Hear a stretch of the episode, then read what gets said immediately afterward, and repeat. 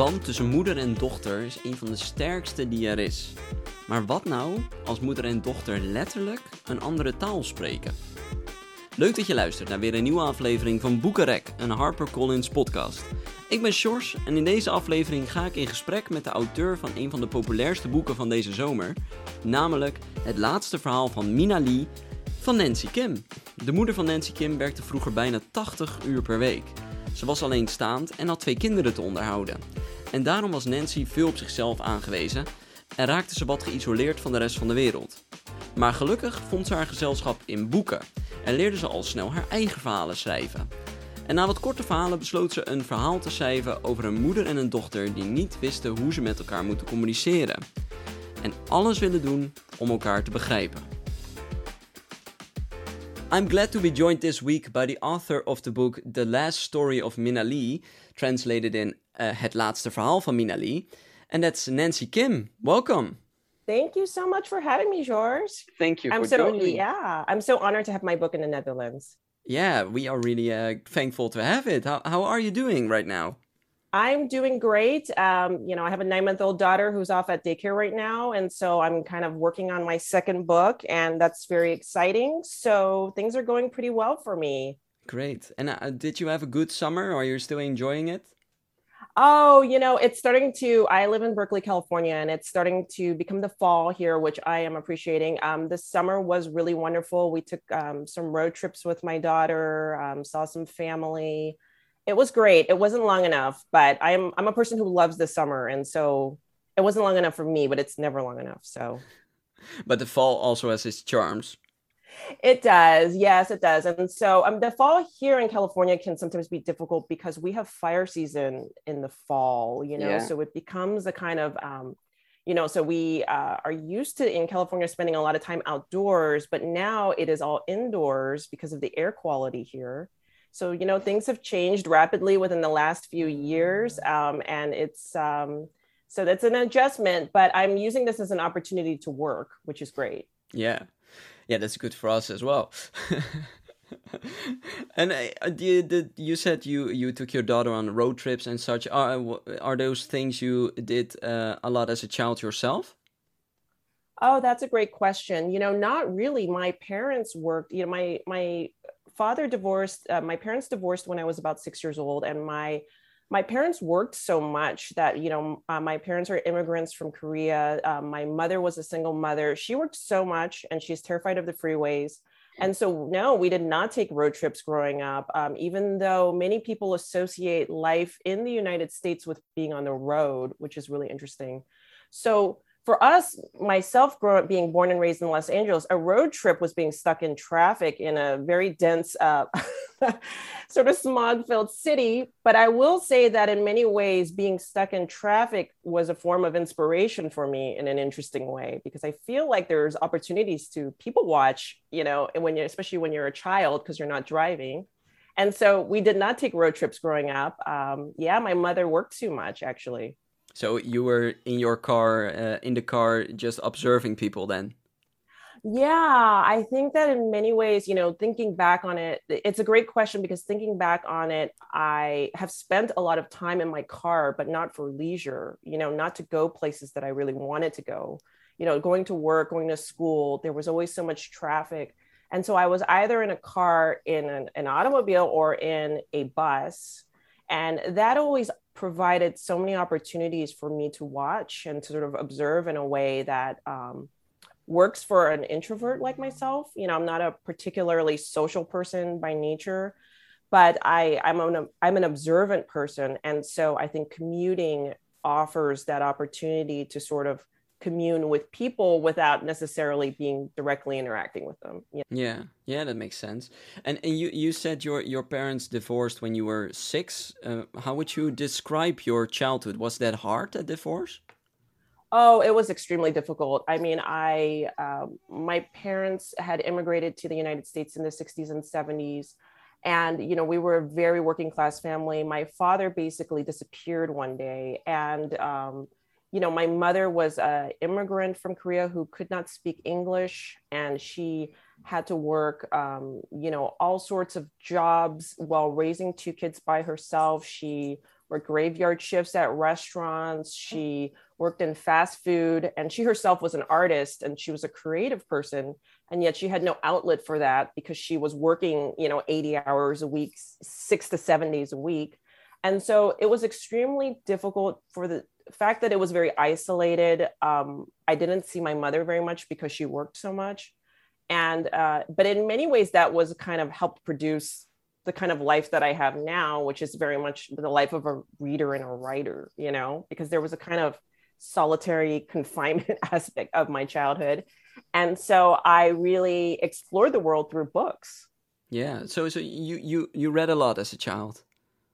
Yeah, I did. Um, I remember going to the library. I don't remember specific titles. You know, a lot of kids had favorite books, you know, growing up.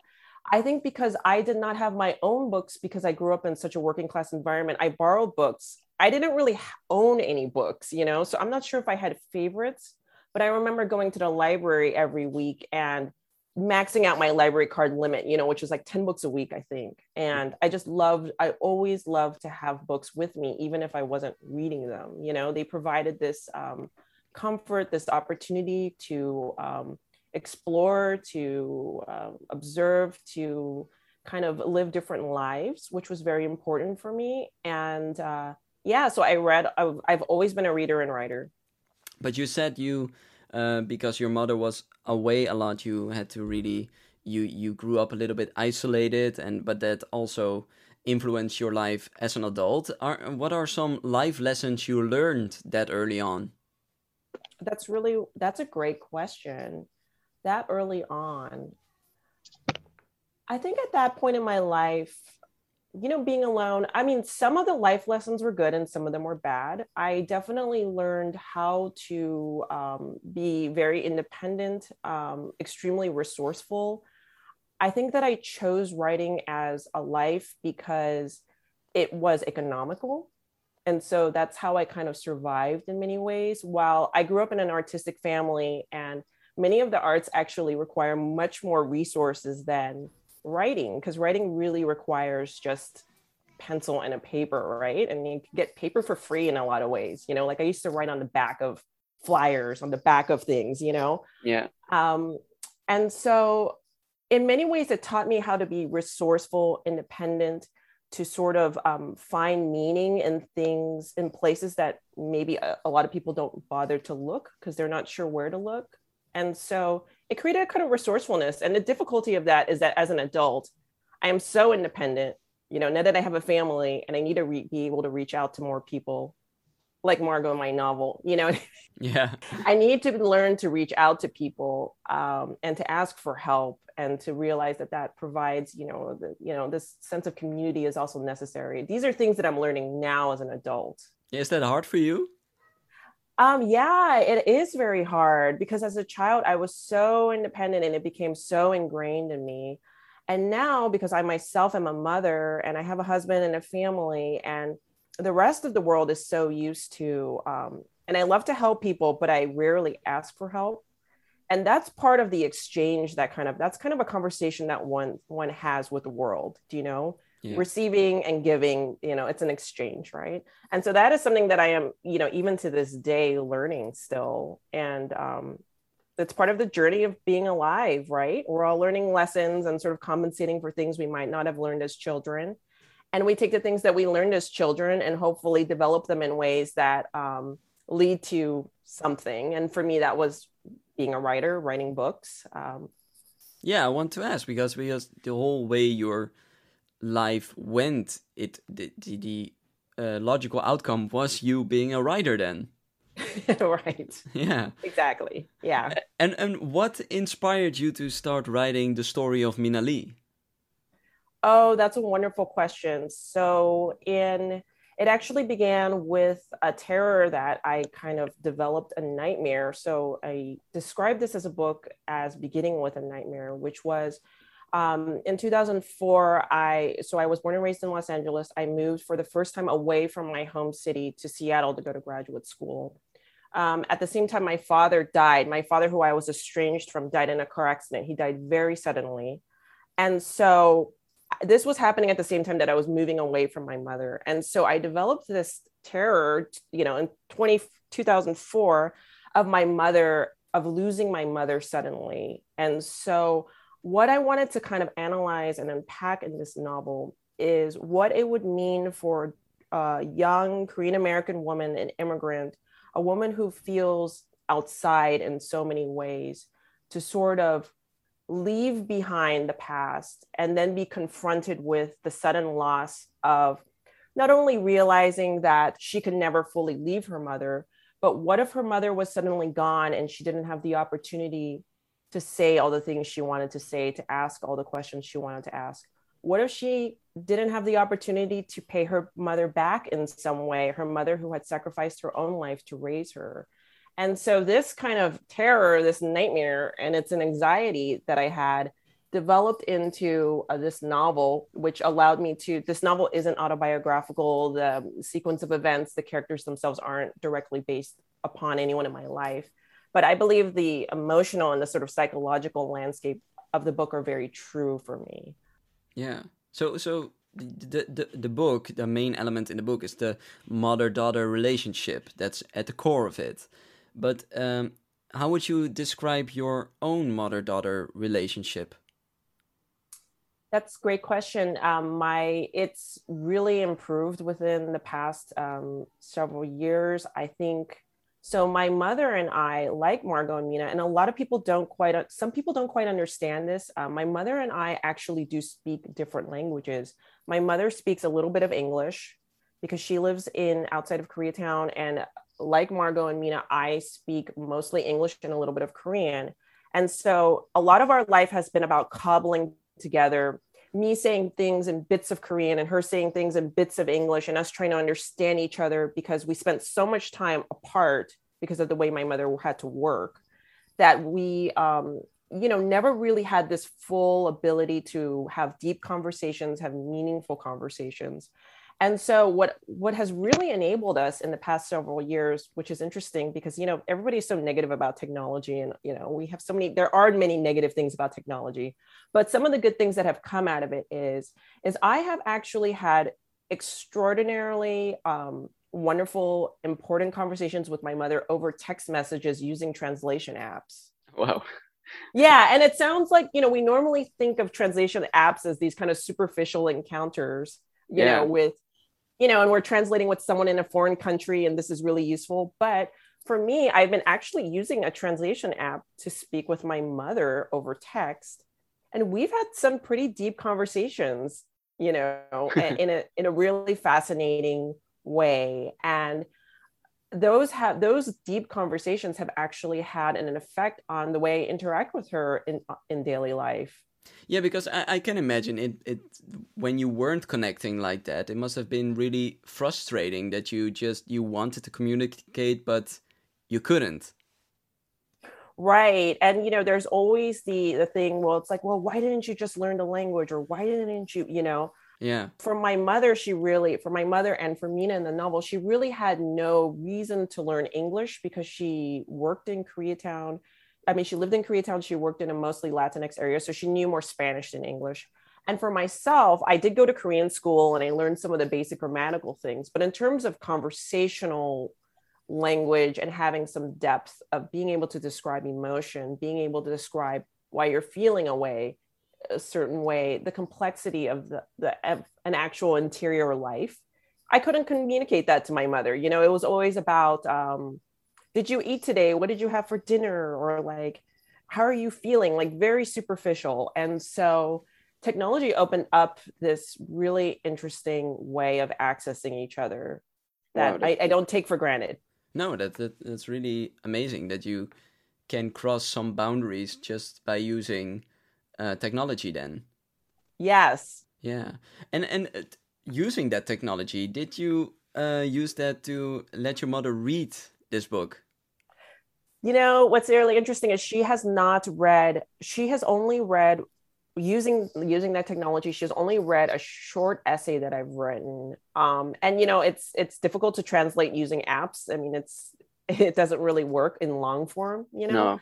No. um, my book has not yet been translated to korean and i would love for it to be translated you know, selfishly for the purpose of people in my family reading it, because I'd be so curious, you know, to see what she thinks. Yeah. But no, she hasn't actually read my book yet, and she's hardly read and read any of my writing actually.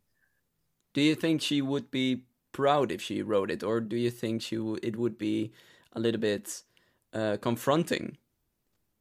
Um, I think it would be very difficult for her, to be honest. I, I mean, I'm, I, I feel as if she is proud for, for me about me in a sort of creative sense because she herself is an artist, and so I think creativity, create, creatively, it is very, you know, there's there would be a lot of pride and a lot of love for that, but uh, personally, it's difficult for me to understand or to predict what her psychological response would be. Yeah. you know, because it's very heavy. Um, it begins with the death of a mother. So, you know, nobody likes to think No. about that. um, but it was important for me as a kind of human being and as an as an artist to explore this and to explore the the re- the lived reality, the complications of the emotions, the psychological space of these characters. But for my mother, it might be too close to home. So it's hard to know. Yeah. yeah. And now that you are an adult yourself and you uh, you can look back at what your mother has sacrificed for you and maybe she wasn't there a lot and you lived an isolated life. Are you proud of the way she did it? Yes, I am. I'm extraordinarily proud of her, just as I feel Margot and Mina, you know, Margot lives her life ashamed of the sort of working class existence that she has. She's ashamed of her mother's job. She's ashamed of the things that her mother has to do to survive. But in retrospect, and I think Margot reaches this conclusion as well. In retrospect, there is something extraordinarily beautiful about people struggling um, and sacrificing themselves um, to provide for others in a way that is quiet, that is unrecognized, and yet they still exist. They are still capable of, like Mina, my mother is the protagonist of her own life. She is a very strong, creative, uh, you know, personality. She is in some ways a person who makes choices that we don't quite see and realize because she seems so um, kind of marginalized and unable to make choices in her life. I think that in reality, we we see that Mina and women like my mother are people who um, not only endure but they create very rich lives for themselves. They are the unsung heroes, maybe. Yeah, and I think they're singing, but a lot of people silence them for various reasons, right?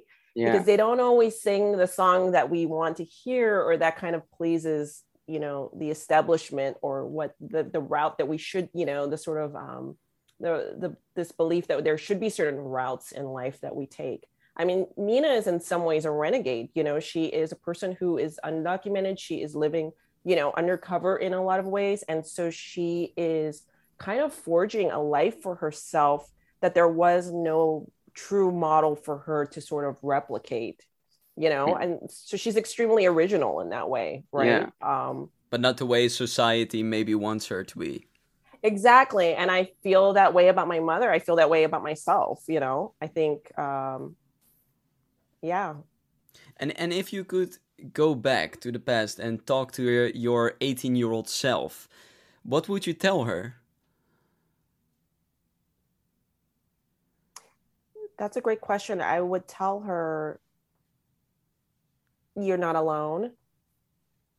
You know, I think that the way um, I remember myself growing up feeling extraordinarily alone. And um, and that is because I had never seen representations of my life in a book in a place that mattered. I had never seen representations of myself on a screen in a way that was complex, and so I felt extraordinarily alone. And I would tell that 18 year old, uh, you are not alone. There are many people out there who identify with your experience, even if you don't know who they are, even if you don't look the same, even if you don't have the same life, even if you don't live in the same zip code. Uh, there are people out there who identify with what you're going through. And if you're able in some way to put this together in a story form and to share it with the world, and so that people know that they themselves are not alone, there's extraordinary power in that. I think uh, if you told her that advice, that uh, that only brings happiness. Oh, thank Yeah. you. Yeah. I think that's that, that's something a lot of people can use. Just yeah, you you are not alone. I do, yes, I do feel that way, especially, you know, and that's the beauty of books, right? Um, a book requires at least two people to exist. It requires a writer, but it also it requires a reader. Otherwise, it just sits on a shelf. And so, the beauty of what we do in a lot of ways in this business and in books is we are kind of introducing the idea of, of that we are not alone and that there are people out there in this world who are kind of yearning and aching to kind of connect in various ways. And yet, you know, society is kind of in many ways designed to make us feel lonely. But I think in reality, we are all kind of in the struggle together. We're all, you know, learning, uh, you know, going through our own journeys at different rates. And hopefully, you know, just the recognition that we're not doing it by ourselves is enough to help us keep going. Yeah, and and we we now looked at the past, so now it's time to look at the future. You've now told the story of Mina Lee, and you said you are working on your next novel. So so what is what is the plan for your future? You're not a planner, you told me. So is there a plan? is there a plan? I think you know I try to get through life day by day, but in terms of the plan for my future, I am working on a second book, and it also begins with a death, but this time the death of a stranger in the life of a family that is has um, um, a Korean American family in Los Angeles who has for many years been dealing with the disappearance of the mother in the family, but a stranger is is dead at the beginning of this book, and so it's a kind of excavation of this stranger's life and also the life of the family at the same time. And so I continue to be interested in these themes and um, kind of working them out in different ways. But I'm I'm very excited by it, and it it deals also with issues of um, you know in California and in all over the world right now we're de- um, you know dealing with a crisis of people who are unhoused, people who are homeless, and so um, it deals issues also with um, with issues of home. Okay, so we have something uh, to look forward to. Yeah, thank you yeah. so much. Yeah, yeah. and I look forward to writing it. Yeah, yeah, I can imagine. Yeah. Well, I want, really want to thank you for joining me today and talking to me. It's been lovely. Thank you so much, yours. Yeah, thank I you. hope you have a wonderful summer, rest of your summer. Nou, volgens mij is dat een hele mooie les voor iedereen. Voel je je ooit alleen of geïsoleerd, anders dan de rest? Voldoe je niet aan de maatstaven van de maatschappij? Onthoud dan, je bent niet alleen. Ben je benieuwd geworden naar het laatste verhaal van Mina Lee van Nancy Kim? Kijk dan op harpercollins.nl of vraag ernaar in je lokale boekhandel. En dat was het weer voor deze aflevering van de Boekenrek podcast. Volgende week gaan we het hebben over de kunst van grenzen bepalen. In zowel je werk, in je relatie, wat dan ook in je leven. Ik ga dan namelijk in gesprek met Instagram-therapeut Nedra Tawab over haar boek Gezonde Grenzen. Tot die tijd wens ik je nog een fijne dag. Zorg goed voor jezelf en voor anderen. En blijf vooral lekker lezen. Tot de volgende keer.